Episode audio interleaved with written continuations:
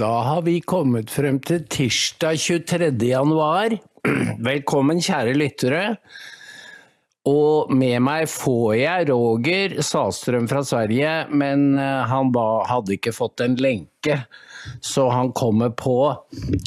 I mellomtiden så eh, kan jeg småprate litt. Jeg var i eh, jeg ble dratt med, for å si det sånn, i operaen i går for å se La Traviata, og det er år mellom hver gang jeg er i operaen. Så eh, det er morsomt å se både pga. forestillingen og se på publikum som er der, for det går jo inn 1200 i den salen. Og én ting er jo budsjettet, hver eh, billett er jo subsidiert med nærmere 2000 kroner.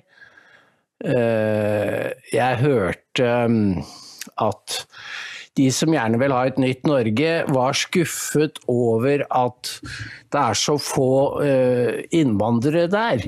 Det er et helnorsk publikum. Og eh, overvekten er helt sikkert politisk på venstresiden. Så har, da er det noen som har begynt å dele ut gratisbilletter. Men man kunne gjøre seg mange tanker om hvorfor opera ikke slår an eh, blant folk fra en annen kultur. For det er en spesiell kulturform. Eh, den eh, oppsto jo i Italia, så vidt jeg vet, på slutten av 1800-tallet. Og har en romantisk fortelling med mye med voldsom musikk, og måten å synge på er jo spesiell.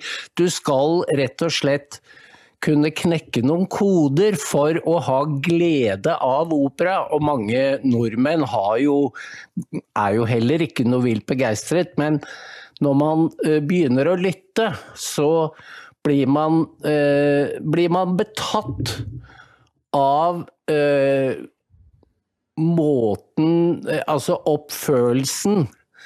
Fordi dette er en gammel historie du har som går Jeg vil jo si den går helt tilbake til Homer. Å fortelle eh, Som oftest er det kjærlighetstragedier.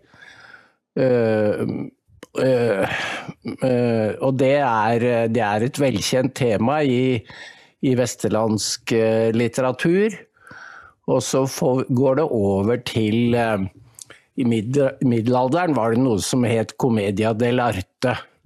Så det er slektskap med vår fortelling og teateroppføringer. Eh, og det kommer ikke bare av seg selv, og det tror jeg veld, sitter veldig langt inne å erkjenne for de som driver befolkningsutskiftningen. For da vil de måtte eh, konfrontere seg selv med spørsmål er alle kulturer forenlige. Og det svaret har vi gitt. Det svaret har vi kommet til for lenge siden. Ehm, men eh, de som styrer er ikke villige til det. Nå hører jeg noen som puster, og er det deg, Roger Salstrøm? Det er noe meg du hører i bakgrunnen, ja. Jeg ber om unnskyld at jeg er sen. Det er uh, teknikkens under, får vi skylde på. Ja, ja. Det går bra, Roger. Mm. Velkommen. Takk så mye. Velkommen. Ja.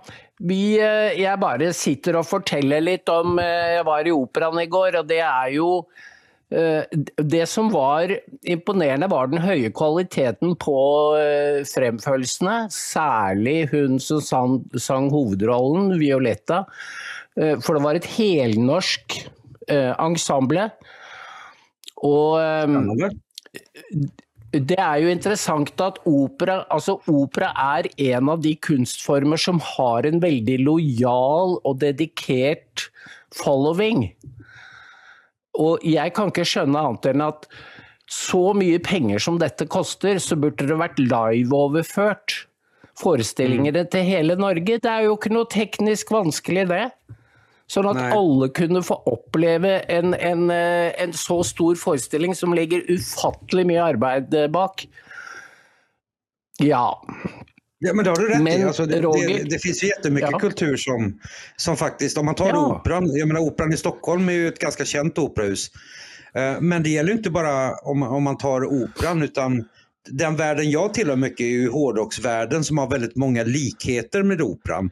Det har ju också en väldigt stor publik och en väldigt dedikerad publik och en väldigt övertygad ja. publik. Det är ganska intressant. Ja. ja. Det är det. Väldigt, för detta går lite under radarn för den kommersialiserade eh, kulturen vi har fått. Och mm. på väg ner till tåget vet du, så gick det fyra, fem eh, 14-15-åringar bak oss och så började de att sjunga och så studde jag mig och sa, har ni varit på operan? Ja, det hade de. sånn at Ja. De var väldigt, väldigt söta. Så ja, Roger. Vi kan ju inte bara snacka om trista ting. Nej, så är det ju. Faktiskt. Ja. Ja. Men igår så fick ju jag en, eh, jag fick en, eh, ett tips från Helena. Eh, jag vet inte om du såg det, det var från Expressen som skrev om Kajsa Ekman. Just det. Som alltså presterar att säga att Hamas är en välfärdsorganisation och, och, och nyter stor popularitet och akkurat som, är, akkurat som Socialdemokraterna. Mm. Du, vem är Kajsa Ekman? Kajsa Ekes Ekman är en svensk journalist som har eh, jobbat inom vänstermedia, eh, Dagens ETC, Eh, och eh, de mer vänsterhardcore. Hon kallar väl sig för eh, revolutionär. Eh, hon är eh, väl löst kopplad till tidigare eh, kriminella vänsternätverk på det sättet att hon var med i eh, Göteborgskravallerna en gång i tiden eh, på, i början av 2000-talet. Eh, hon är en, eh, eller har varit en extremt omtyckt vänsterdebattör i Sverige. Eh, och hon har haft en platt, hon har haft en stor plattform helt enkelt. Tills hon började att skriva om genusfrågor och ifrågasatte den här genusdoktrinen och hon skrev en bok där hon sa att det finns bara två kön och efter det blev hon eh, mer eller mindre utschasad från, eh, från svensk vänstermedia. Hon jobbade som chefredaktör, om det var chefredaktör på tidningen Arbetaren tror jag det var. Eh, hon, hon, är en, eller har varit en jättestor och är på många sätt en, fortfarande en stor opinionsbildare i Sverige. Men hon har ju då en konstig syn på, då hon kallar sig för antifascist. Hon brinner verkligen för Kuba, eh, hon brinner för Venezuela. Hon, hon, hon är den riktigt dåliga sidan av allt som vänstern är faktiskt. Men hon inser inte mm. att det vänstern gör, till exempel Venezuela eller vilket land vi än tar där socialismen har satt sig, att det misslyckas. Ja. Och nu när det kommer till hennes del då där hon säger att Hamas är en välgörenhetsorganisation är ju eh, Hon var med i en podd som heter Den sista måltiden här i Sverige eh, som görs av bland annat eh, Chang Frick. Där hon ja. pratade om Hamas och om islamiströrelserna. Och, eh, hon, hon har ju ett väldigt naivt förhållningssätt till islam eh, och islamism för att hon ser ju eh, hon förenas ju egentligen under, eller till islam tack vare att socialister och islamister har ju samma fiender, judarna och USA det är det på något sätt de förenas under. Men har hon, har hon visat några eh, tendenser i riktning av eh, antisemitism också?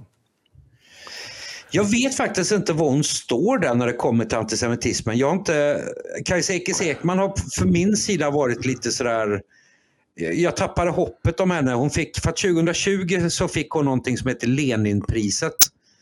Eh, det är alltså en, det är Lasse Diding som är en eh, författare och kommunist. Eh, han är kapitalist också märkligt nog. Han äger en massa hotell och är stormrik. Han delade ut Leninpriset varje år och när hon fick det så då bara kände jag att hon, nej nu, nu har du gått galet på riktigt. Det är en sak att hon är liksom vänsteropinionsbildare och körs, för det, för, för det, det är det som är bra med vänsters, vänsterns opinionsbildare, att man vet ju exakt var man har dem. De, de säger det de Där... tror på, punkt. Altså, Hvis du glorifiserer Hamas, og det er jo litt som eh, vår lege Mats Gilbert, vet du, som, som beundret disse modige krigerne som stormet mot israelerne, som drepte dem på avstand. Uh, hvis du har et sånt syn på Hamas, så du, behøver du ikke spørre hva mener de om staten Israel, for det, det ligger implisitt i, uh, i spørsmålet. Självklart. Ja. Og da Dette er jo Det er ikke vi som er mørke, Roger. Dette er en dreining i sosialdemokratiet som virkelig eh, er eh, Varsler en undergang for venstresiden. Det at mm. de har kastet seg på eh, jødehatet. Du, ja. de, men det gjelder jo ikke bare venstresiden. Og jeg må si, jeg, jeg fikk jo et brev fra en leser som sa du må se dette intervjuet på Sveb-TV. For de er faktisk mot Israel. Og da tenker jeg hva er det som foregår? Og jeg spurte deg, og du sa det stemmer at det er på høyresiden i alternative medier i Sverige, så er det ingen klar standpunkt for Israel. Tvert imot, noen av dem svermer for Hamas. Dette høres jo helt absurd ut. Kan du forklare det? det? Man, ja, alltså när man, när man ger sig in då i, den allt, ja, i allt medienyhetsvärlden om man säger så, så då brukar det vara som så att man, man hittar, man identifierar vad man då tycker är de stora problemen, socialismen, islamismen, Eh, och, och, så tar man reda på fakta och så läser man på. Och så verkar det vara som att man kommer till ett vägskäl där allting blir antingen judarnas fel eller så fortsätter man att bara gå rakt framåt och ta del av informationen och, och verkligheten hurdan, hurdan den är. För det finns, det finns en, en stor bunt opinionsbildare alldeles i Sverige som då är inom högen altmedia som ja, det hamnar i att allt är judarnas fel och vågar de inte säga judarna så pratar de istället om banker eller om familjen Wallenberg.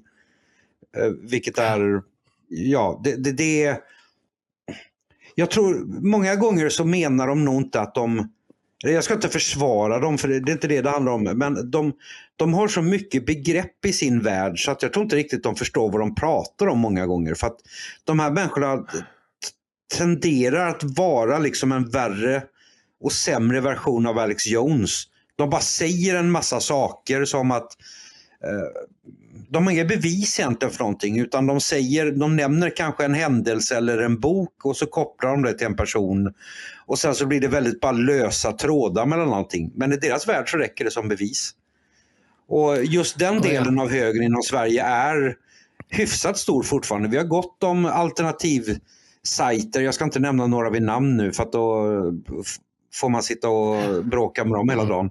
Men där, mm. där de öppet pratar om att Sverige och USA, vi, vi, betalar då ja, Israel och sionisterna massor av pengar för att fortsätta med folkmord och så vidare. Och det, det här är ju en gammal vänsterretorik det här. Det är ingen högerretorik från första början utan det är snarare högern som har gett sig in på att prata om eller använda sig av vänsterns maktspråk för att judehatet har ju liksom, det är ju inbyggt i socialismen från första början egentligen på det sättet. Mm. Både, både Marx, Marx hatade judar, Lenin hatade judar, Stalin hatade judar så att det, det, det är ju ganska känt att just socialister har alltid haft ett ont öga egentligen till eller många, inte alla socialister, men många socialister.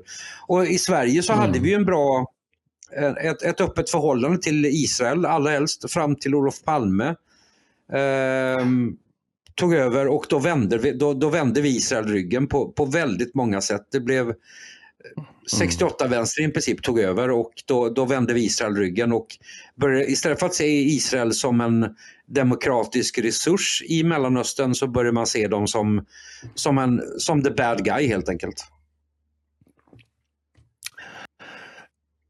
Og gitt 7. oktober så får jo en slik dreining eh, konsekvenser. Og det tror jeg ikke Venstren og eh, establishment i Vesten helt forstår. Hvilke konsekvenser det har for vårt samfunn. For de snakker hele tiden om at Israel skal presses. Men det er jo den, den virkningen det har på oss som er det alvorlige. Fordi vi mm. mister vårt moralske fundament, og det oppfattes av muslimene som vi er på deres side. Och det, det, där är ju en...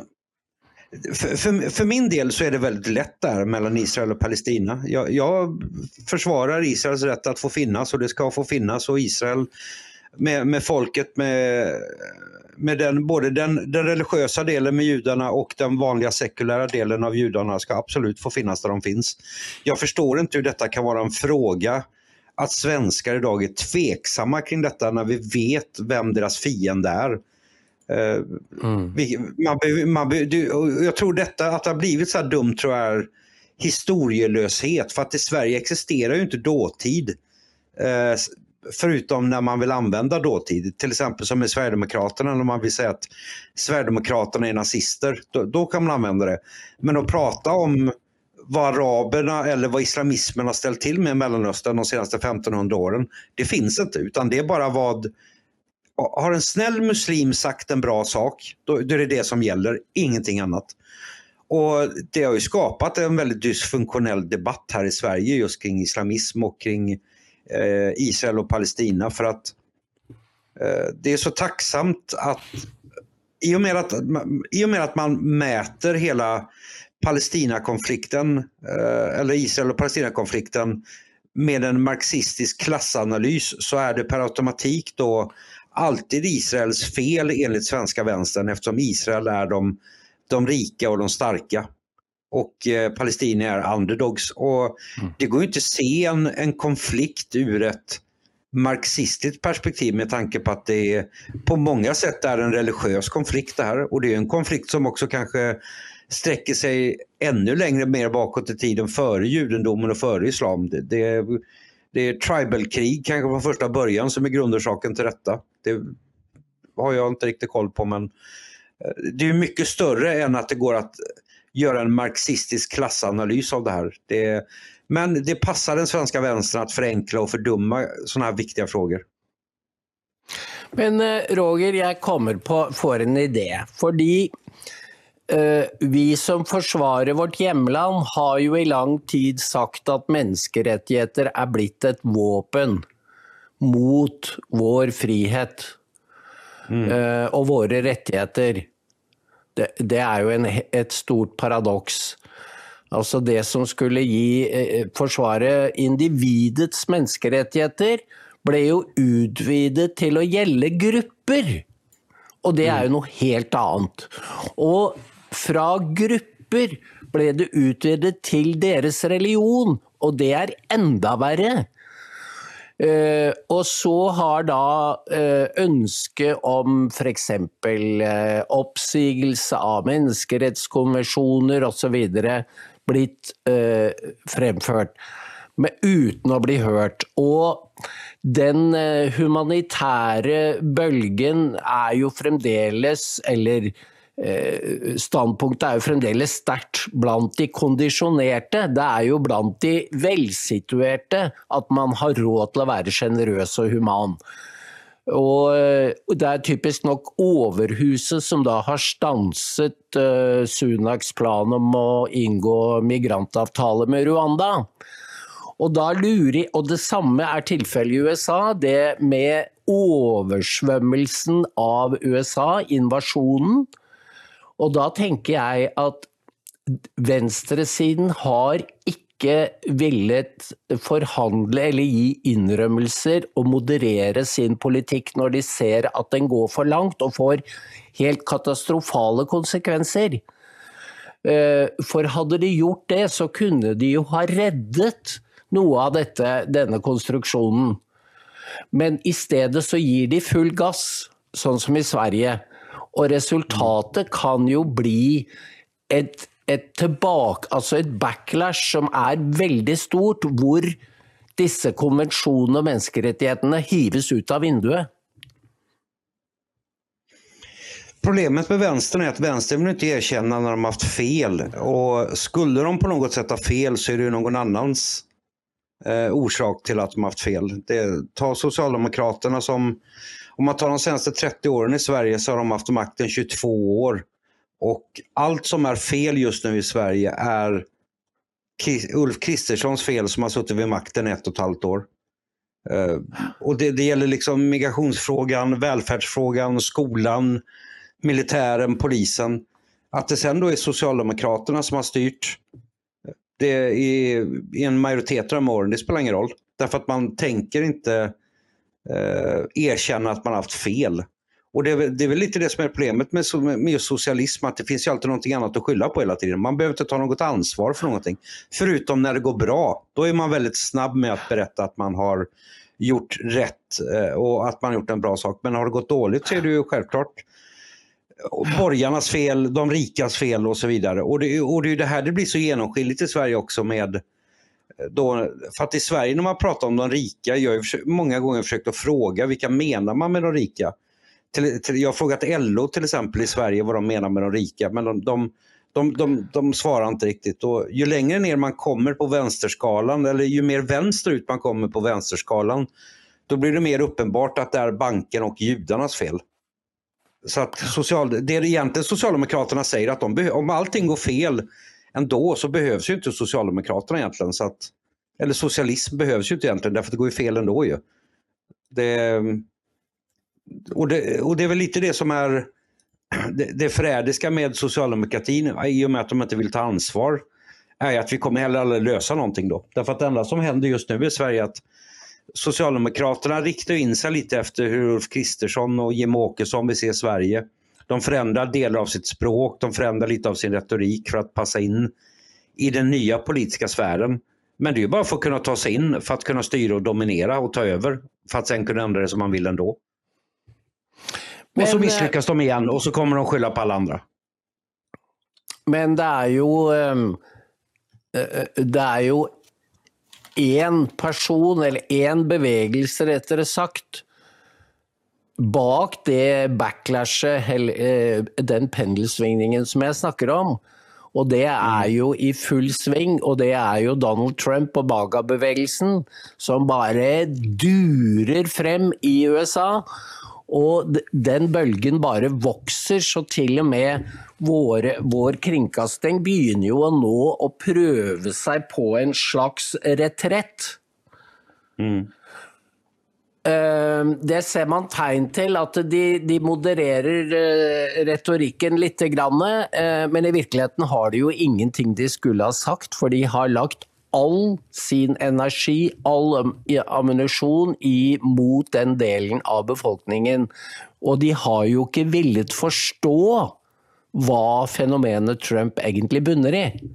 De vil ikke Nei. forstå det. De har prøvd å svartmale det. Eh, de har vært på parti med altså et, et politisert rettsvesen og politi i USA. Og, og eh, nå har de endelig turt å si at det er veldig mange av velgerne som mener at Biden er en illegitim president. Det, det pre sa vår NRK-korrespondent i går. For første gang har jeg hørt hun si det. Så de har et enormt forklaringsproblem.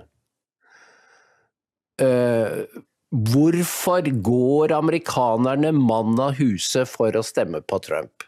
Det, de, de, de, tør ikke tenke tanken engang, nemlig at han kan ha rett. For det vil samtidig slå bena under dem selv og deres mm. egen politikk. Altså, det er på en måte er, det er riktig at Biden er den mest kriminelle og mest forferdelige president i amerikansk historie, men motkreftene er De blir sterkere og sterkere, men det gjør de ikke i Europa, Roger. Altså, vi mm. ligger langt etter USA. Eh, og der har du Dokuments oppgave er å forklare og stå for de samme verdiene som America first, for det er det samme vi trenger her. Stå opp for vårt mm. eget land og vårt eget folk. Eh, men jeg ser jo at det er vel ingen stor sympati eller Trump-bølge i alternativmediene i Sverige heller, er det det? Nej, alltså efter valet då när eh, Trump förlorade så då försvann ju Trump ganska snabbt ur, ur alternativmedia. Man hyllade honom ganska mycket och såg honom som ett, eh, ett, det enda alternativet för både USA och egentligen för västvärldens fortsatta ordning och reda. Men efter valförlusten så då, började man, då höll man bara tyst istället. Man bara glömde bort Trump egentligen. Eh, nu börjar man väl lyfta honom lite igen. Eh, och det, det, finns, det, det som är intressant med Trump är att det finns ju ganska, en, en del paralleller med honom och Jimmie Åkesson, partiledaren för Sverigedemokraterna, är att Jim Åke, svensk media och svenska politiker har i flera års tid försökt smutskasta Jimmy och Sverigedemokraterna. På samma sätt man har försökt att smutskasta Trump och hans politiska rörelse. Men det har inte funkat därför att den växer, rörelserna växer bland vanligt folk. Och det är det här som nog är det svåra för alla, för journalister idag. Journalister är ju inte vanligt folk, det är ju en form av utnämnd ja. eget prästerskap. Det är en egen elit som tycker ja. att de har rätt att styra. Och när den här verkligheten då krockar med vanligt folk så Ja, det, det, var väl var det SVT eller det var Sveriges Radio häromdagen som sa att det är, pro, det är problematiskt med demokrati när inte svenska folket röstar som vi journalister vill. Mm. Och där har du, du en stor del av problematiken. Ja. Jag såg ju utspelet till Richard Jomshoff igår mm. om att förby islamska symboler. Kan inte du Eh, kan inte du fortelle litt om Det är jo inte första gången han sticker huvudet frem? Nej, han är ju fortfarande väldigt frispråkig när det kommer till islam och islamism. Uh, och det, det, tycker jag han gör rätt i och det tycker jag Sverigedemokraterna borde prata mer om. Därför att i Sverige har vi ju ett jätteproblem med uh, just islamistiska rörelser som Ibn Rushd och andra organisationer kopplade till Muslimska brödraskapet som använder det svenska, det generösa föreningsbidragen du kan få.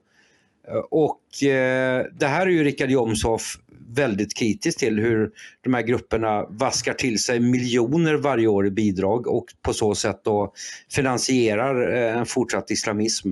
Och Richard Jomshof ser den här saken ganska enkel, upplever det som. Han ser problemet för vad problemet är. Han försöker inte trampa runt på något sätt utan vi, vi måste ta, ta tag i de här frågorna. Punkt. Därför att det, det, det, går inte att kompromissa. Det finns inga sätt att Eh, att försöka försköna eller förminska islamismen. Eh, den, han, det är det som också svensk mainstream-media, när de ska försöka bemöta det här, att de gör ju misstaget att de påstår att Richard Jomshof pratar om alla muslimer. Det gör han väl på sätt och vis inte för att han är ganska tydlig att det handlar om då det, den politiska delen av islam. Den andra delen av islam, om du vill vara en muslim och ha en relation till Gud, det, har inte, det tror jag ingen egentligen inom Sverigedemokraterna har några problem med. Det har inte ens jag några problem med. Men problemet uppstår när du då ska börja dominera eller domdera i samhället via politik och använda din religion då som en eh, som är både en ursäkt, om, plattform och eh, motivator. Och det är det här Rickard, eh, den, han tar den fighten för att det handlar inte om att det är att det är en ny religion som ska komma in och bli en del av det svenska samhället utan det handlar om att bemöta en religion som vill ta över och förgöra det svenska samhället. Den svenska demokratin, ja. den svenska öppenheten. Och det, det, här vågar han tala klarspråk om och där har ju socialisterna och svenska journalister problem att se detta för att många svenska journalister delar nog Eh, islamisternas syn på samhället gällande då att det ska finnas en eh, stark stat. Det, det, det, det, det, islamiska samhällsbygget påminner ju ganska mycket om kommunismen på det sättet att det finns en utvald elit som bestämmer över de andra. Och de andra får smulorna medan ledarna tar allt. Och Det är väl därför svenska så många svenska journalister gillar dem för att det, det, det, de, de har ju de här teoretiska synsätten på hur ett samhälle borde vara.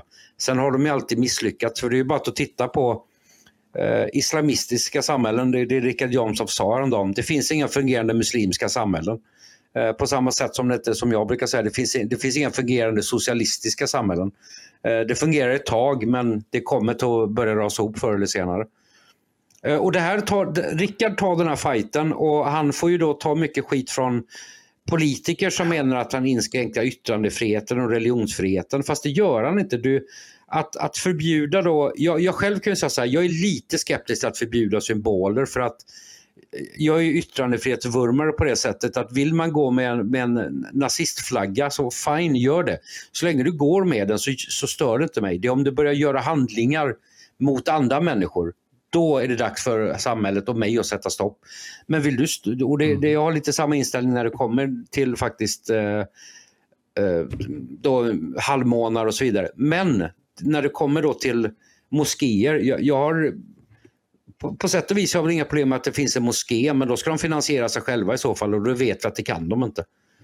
Uh, så att jag, jag, landar ändå i att man måste ändå se det på något sätt att de här rörelserna, vi har facit i hand vad som händer. Det tar vilket valfritt nordafrikanskt land eller Mellanöstern så ser man vad som händer när eh, arabisering eller islamisering kommer. Det, det går käpprätt åt skogen helt enkelt.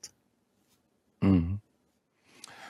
Ja, um, det hade varit spännande att få Jomshof eh, till Oslo, eh, eh Roger.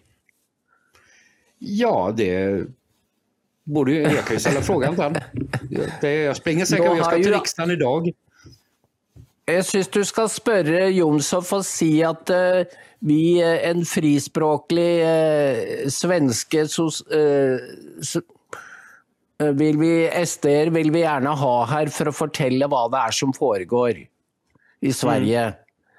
Det är väldigt viktigt med det personliga mötet, alltså, akkurat som när Jalving var här. Du får förnyat intresse när du möter en levande person som berättar vad som pågår. Mm. Um, men när det är sagt, uh, för Sverige har varit the bad guy i Norden, så är ju Danmark i färd med att, att inhämta dere för den nya kung Fredrik den tionde han var i eh, Århus domkirke på søndag. Og det var, ett svär, det var en slags sånn signingsferd eh, til till Jylland. Og, men i kyrkan så hade han invitert en imam, eller två imamer, og den ene stod uppe sammen med biskopen och hade ett palestinaskjerf runt halsen där det stod Free Palestine. Altså, Oi. Det er ikke noe som heter bare en, en religiøs imam, for de driver også politikk. Eh, det er ikke noe skille i islam mellom politikk og religion. Så dette har mange reagert på, for de mener at kong Fredrik og dronning Mary hadde godkjent gjestelisten på forhånd. Eh, det samme må jo biskopen ha gjort, så det var en slags Eh, godkjenning av at islam, en imam, hører til oppe ved alteret i Århus domkirke, og det er det mange som reagerar kraftigt på. Det, vi har ju samma beteende i Sverige faktiskt. Det är väl, eh, det är väl knappt ett år sedan som eh, den svenska statsministern bjöd in en imam som höll en bön i Sagerska palatset. Där Eh, och det...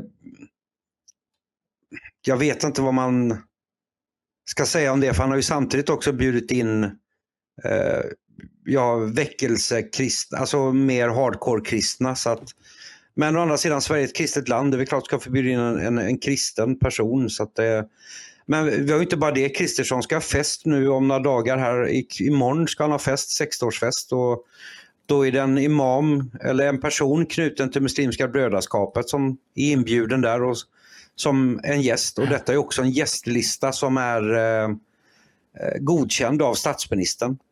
Och, så det finns ju hela tiden eh, en, en flört till eh, ja. de här totalitära makterna. Och det är väl kanske, lite slarvigt så är det väl kanske, det går väl att jämföra egentligen med eh, hur Sverige hanterade Nazityskland. Att man höll, man höll en god fot till Nazityskland med förhoppning om att handeln och så vidare skulle fortsätta att gå bra.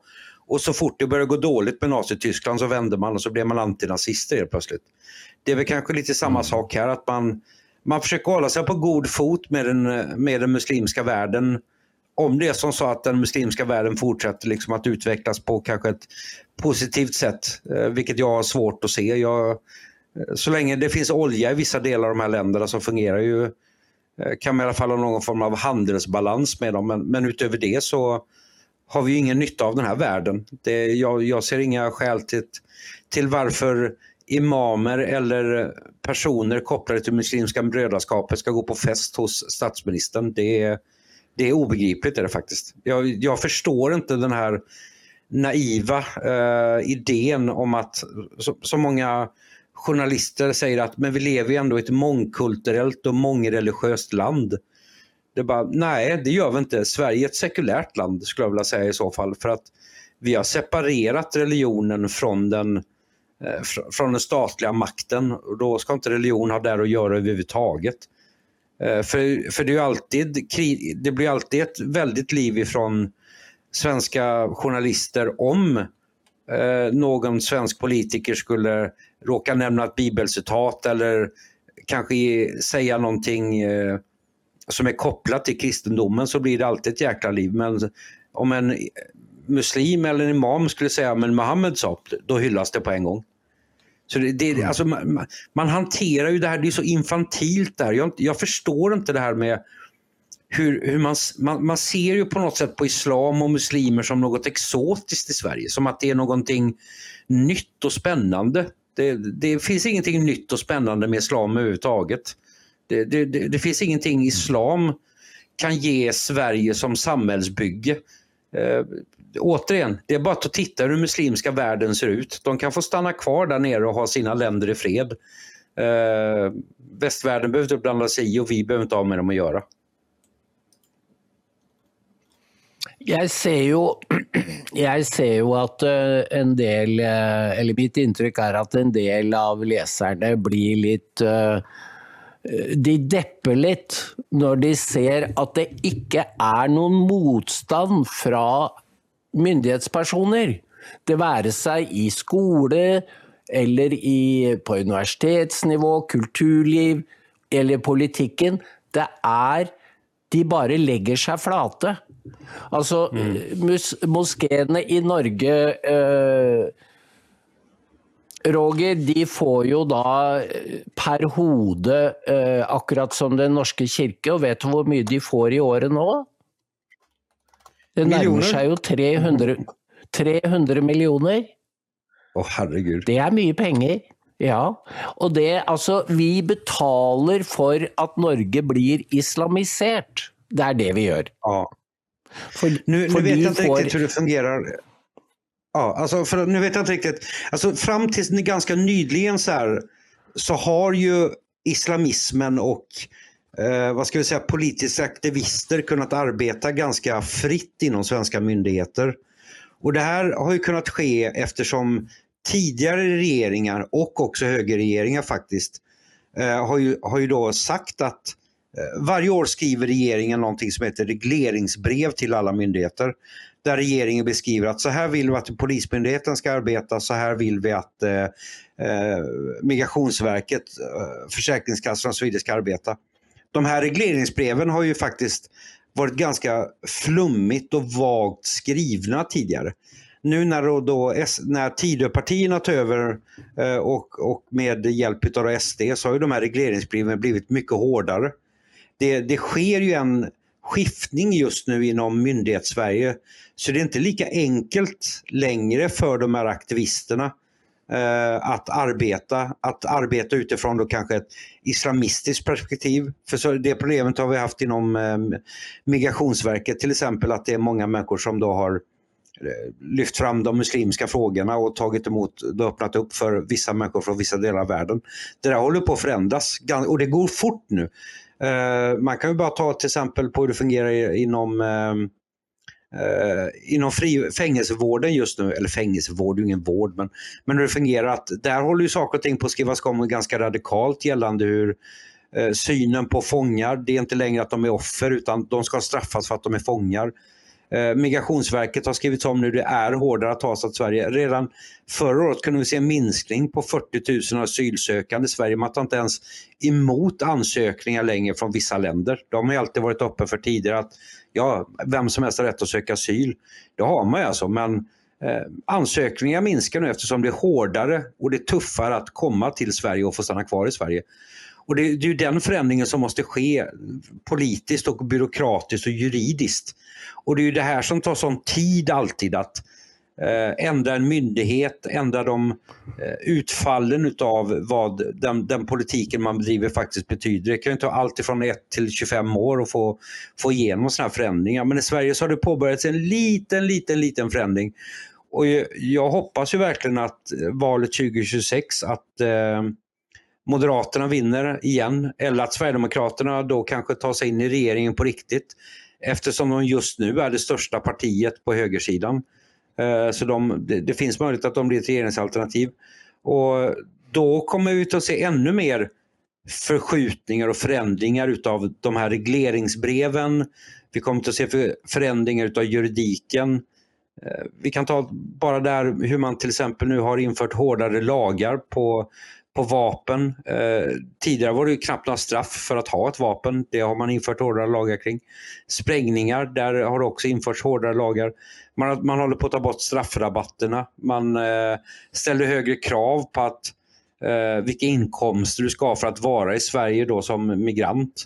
Eh, arbetskraftsinvandring har man fortfarande hyfsat hög eh, öppna för, vilket jag inte tycker man ska röra därför att Sverige är på många sätt behov av viss arbetskraft och då pratar jag inte om folk som jobbar som frisör eller barberare utan högutbildade ingenjörer som Sverige fortfarande har behov av eftersom vi fortfarande har ett samhälle som, som kräver en, en ganska hög kunskap. Eh, så att förändringarna sker, men det tar tid och jag vet inte hur det fungerar i Norge, hur, hur regeringen arbetar med myndigheter eller om myndigheter är helt fristående från regeringen på det sättet.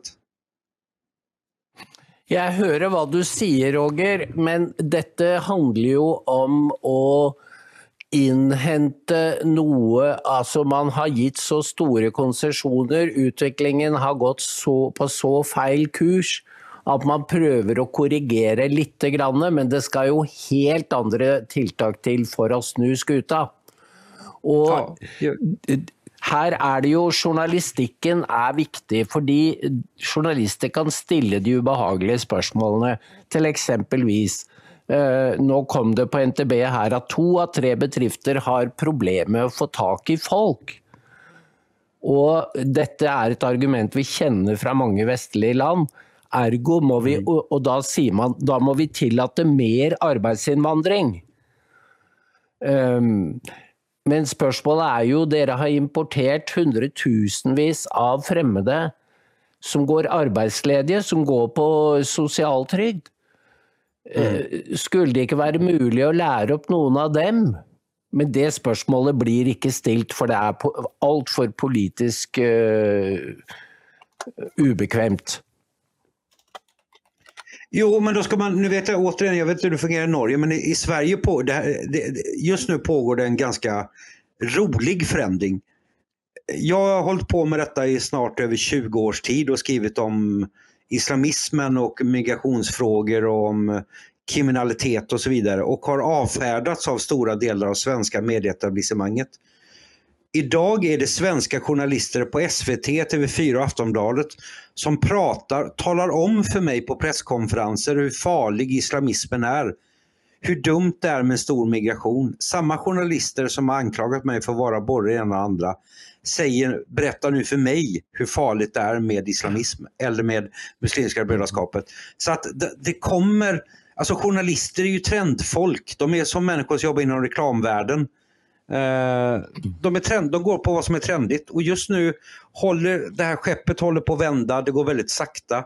Men jag är helt, ta bara nu, det är en vecka sedan i Sverige som SVTs förra chef satt och sa att eh, Socialdemokraterna har ljugit för er. Det, det sa Eva Hamilton, Sveriges Televisions förra chef, satt och sa det i TV4.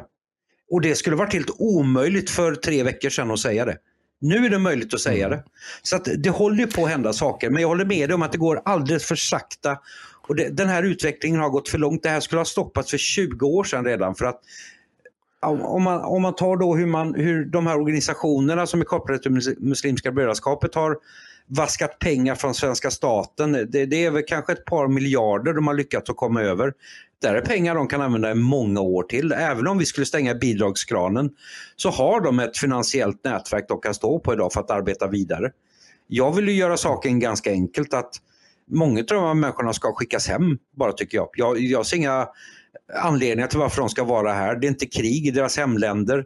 Jag skiter fullständigt i om någon har etablerat sig som man brukar säga i Sverige. Det, det här idén med då permanent uppehållstillstånd som man införde i Sverige har ju, Eh, har ju förstört allting. Utan flyr det krig, flyr det krig och det är tillfälligt. Eh, och sen när kriget är över så åker man hem och bygger upp sitt land. Och det, det är där Sverige måste landa i. Det är dags, att, det är dags för en stor återvandring. Och det, de diskussionerna pågår i Sverige men än så länge så handlar det mest bara om grovt kriminella. Eh, för det finns fler än grovt kriminella som borde utvisas. Mm. Du ser jo eh, denne uken som har gått, og det har fortsatt nå, det har vært demonstrasjoner i Tyskland mot AFD, Alternativ for Tyskland. Mm. Mm. Ja, og våre, vårt nyhetsbyrå blåser dette opp til å være en slags stor folkelig bevegelse som uttrykker tyskernes mening, men det er det jo ikke. Det er venstresiden som mobiliserer på deres yndlingskort, som er uh, Adolf Hitler og nazismen. Mm. Og uh, det er vel Jeg tror ikke de som søker seg til AFD, blir eh, imponert eller blir skremt eller blir eh, skamfulle av en så overdreven retorikk. Og dette mm, Han Martin Selner i Generasjon Identitær er jo Altså, det er jo ikke noe høyreekstremt å snakke om eh, hjemsendelse. Hvis, hvis, båten er full, så er det det du gjør. Den tar inn vann. Det er ikke bærekraftig på noen som helst måte. Og så sier du her må vi finne ordninger for at de reiser hjem. Og det er ikke å sende dem til gasskammeret. Alltså det, där just, det, det, är ganska många svenskar eh, inom vänstern som har lyft de här demonstrationerna i Tyskland. Eh, och det är någon bild som har cirkulerat eh, där. Här går 250 000 medborgare i Tyskland ut mot, mot de tyska högerextrema. Och det, jag bara svarade till dem så att det bor över 80 miljoner människor i Tyskland. Det är, alltså, det, det är väl det är 0,03 procent av befolkningen som står på gatorna. Det här är ju bara ett politiskt... Det här visar ju på vänsterns idé om de behöver låtsas att de är ett kollektiv. Vänstern har aldrig varit folket. Hur mycket demonstranter de än får fram på gatorna så är de inte folket. Men då ska man komma ihåg det här också, det är det här det blir så jäkla farligt egentligen för att det, det som pågår nu i Sverige kan man till exempel jämföra mycket med vad som pågick i Iran. Det, det, var inte, det, var inte, det var inte stora delar av Irans befolkning som ville ha revolutionen 78-79. Det var 1-2 procent av Irans befolkning som ville ha där. Och de samlade människor på gatorna och skapade ett falskt kollektiv om att, det, att titta hur stora vi är, titta vad vi är betydelsefulla. Fast det var de ju egentligen inte med tanke på att de var bara 1-2 procent av hela befolkningen. Och det är samma sak vi ser med vänster i Sverige och vänster i Tyskland. Vi måste sluta ta deras maktbilder på allvar. Bara för att de lyckas samla 100 000 människor som står och viftar med flaggor så behöver inte vi ta det på allvar. Och det, men de vinner ju i och med att de får medierna att köpa den här bilden att de är starka. Men det är de inte. Mm, jag håller med dig. Men eh, hvis du ser denna uttalelsen till den tidigare inrikespolitisjefen Masen i Tyskland, Mm. så er jo det riktig at eh, alliansen venstresiden islamisme er meget farlig fordi islamismen er voldsberedt. Og det gjør at man selv Du vet, bolsjevikene tok makten, de var noen Det var jo en minoritet Mm. innenfor, innenfor venstresiden i Russland. Og det er ikke noe vanskelig å forestille seg kaostilstander i, i Vest-Europa hvor plutselig islamister og venstreekstreme sitter ved makten. Eh, Et sånt scenario kan man se for seg, fordi hvis de ikke møter motstand Altså disse som står med plakater 'aldri mer 1933', de burde se seg selv i speilet, for det er de som arbeider for et nytt 1993. Ja, så är det. Och, men, men det har du ju eftersom då eh, stora delar utav myndighetssverige, journalistiken och då influencers i Sverige lever i någon illusion om den goda socialismen eh, Eh, och att eh, den nu med hjälp av islamismen, islamismen då ska riva ner samhällets bojor så att socialismen kan bygga ett nytt samhälle. Det, det, det, är ju, det är ju lika dumt som med kommunisterna som hjälpte islamisterna i Iran 78-79. Eh, de första som avrättades när muslimerna tog över, eller islamisterna tog över i Iran, det var ju kommunisterna. Och vi, vi kan ju egentligen se samma sak här i Sverige därför att eh, vänstern och eh, många islamistiska föreningar och organisationer är vänner tills islamisterna gör det som vänstern alltid gör, tar över andra organisationer och kör över dem helt enkelt. För att, alltså islamisterna behöver ju bara eh, använda sig av vänstern för att komma åt makten. När de väl har makten i en organisation eller i en rörelse så behöver de inte dem längre. Då kastar de ju bara ut dem.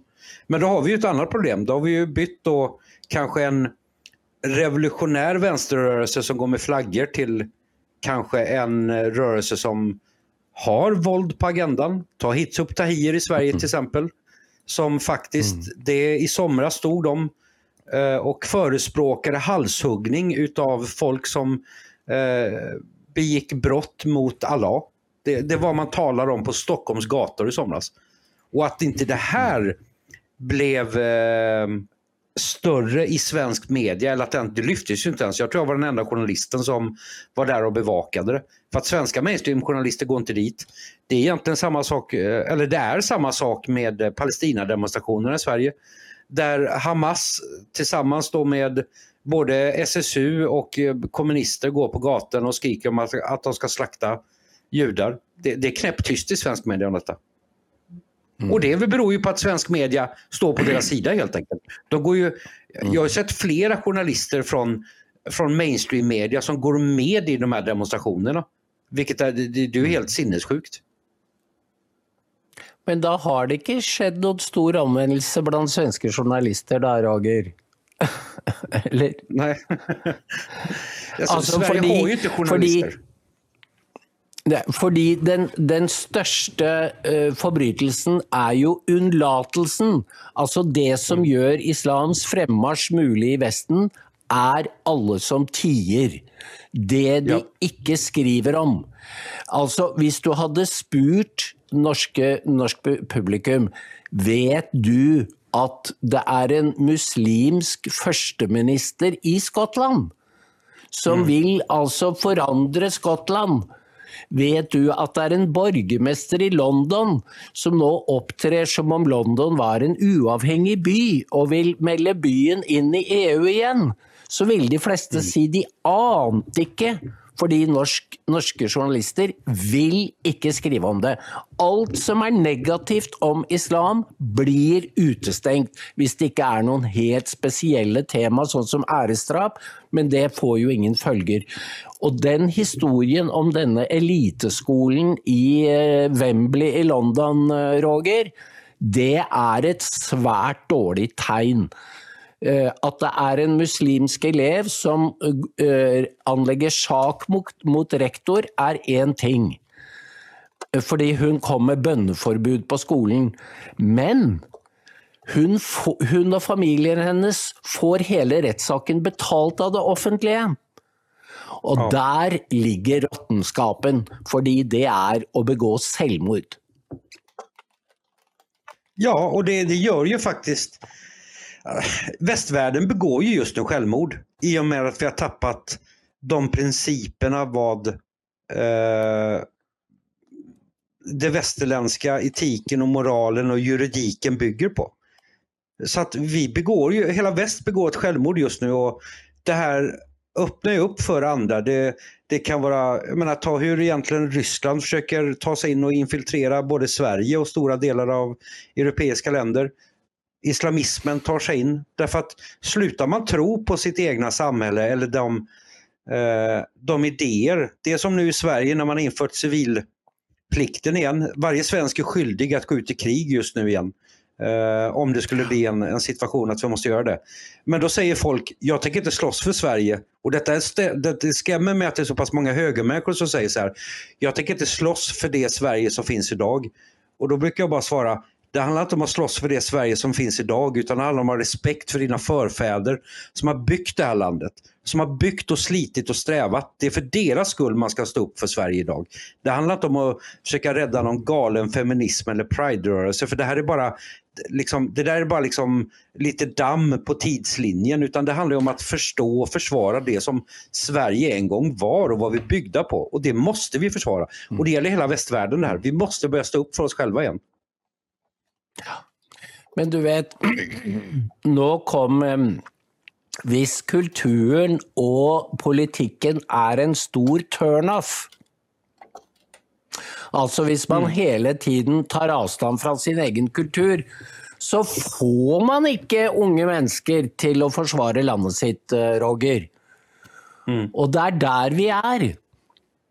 Ja. Og det er, Derfor så er dette et så stort stykke arbeid. Nå kom det akkurat melding om at Nato har bestilt, eh, det er Stoltenberg som sier det, eh, artillerigranater for 12,5 milliard kroner. Og jeg tror ikke norsk ungdom er så veldig lysten på å dø i krig med Russland. Fordi de forstår ikke helt poenget.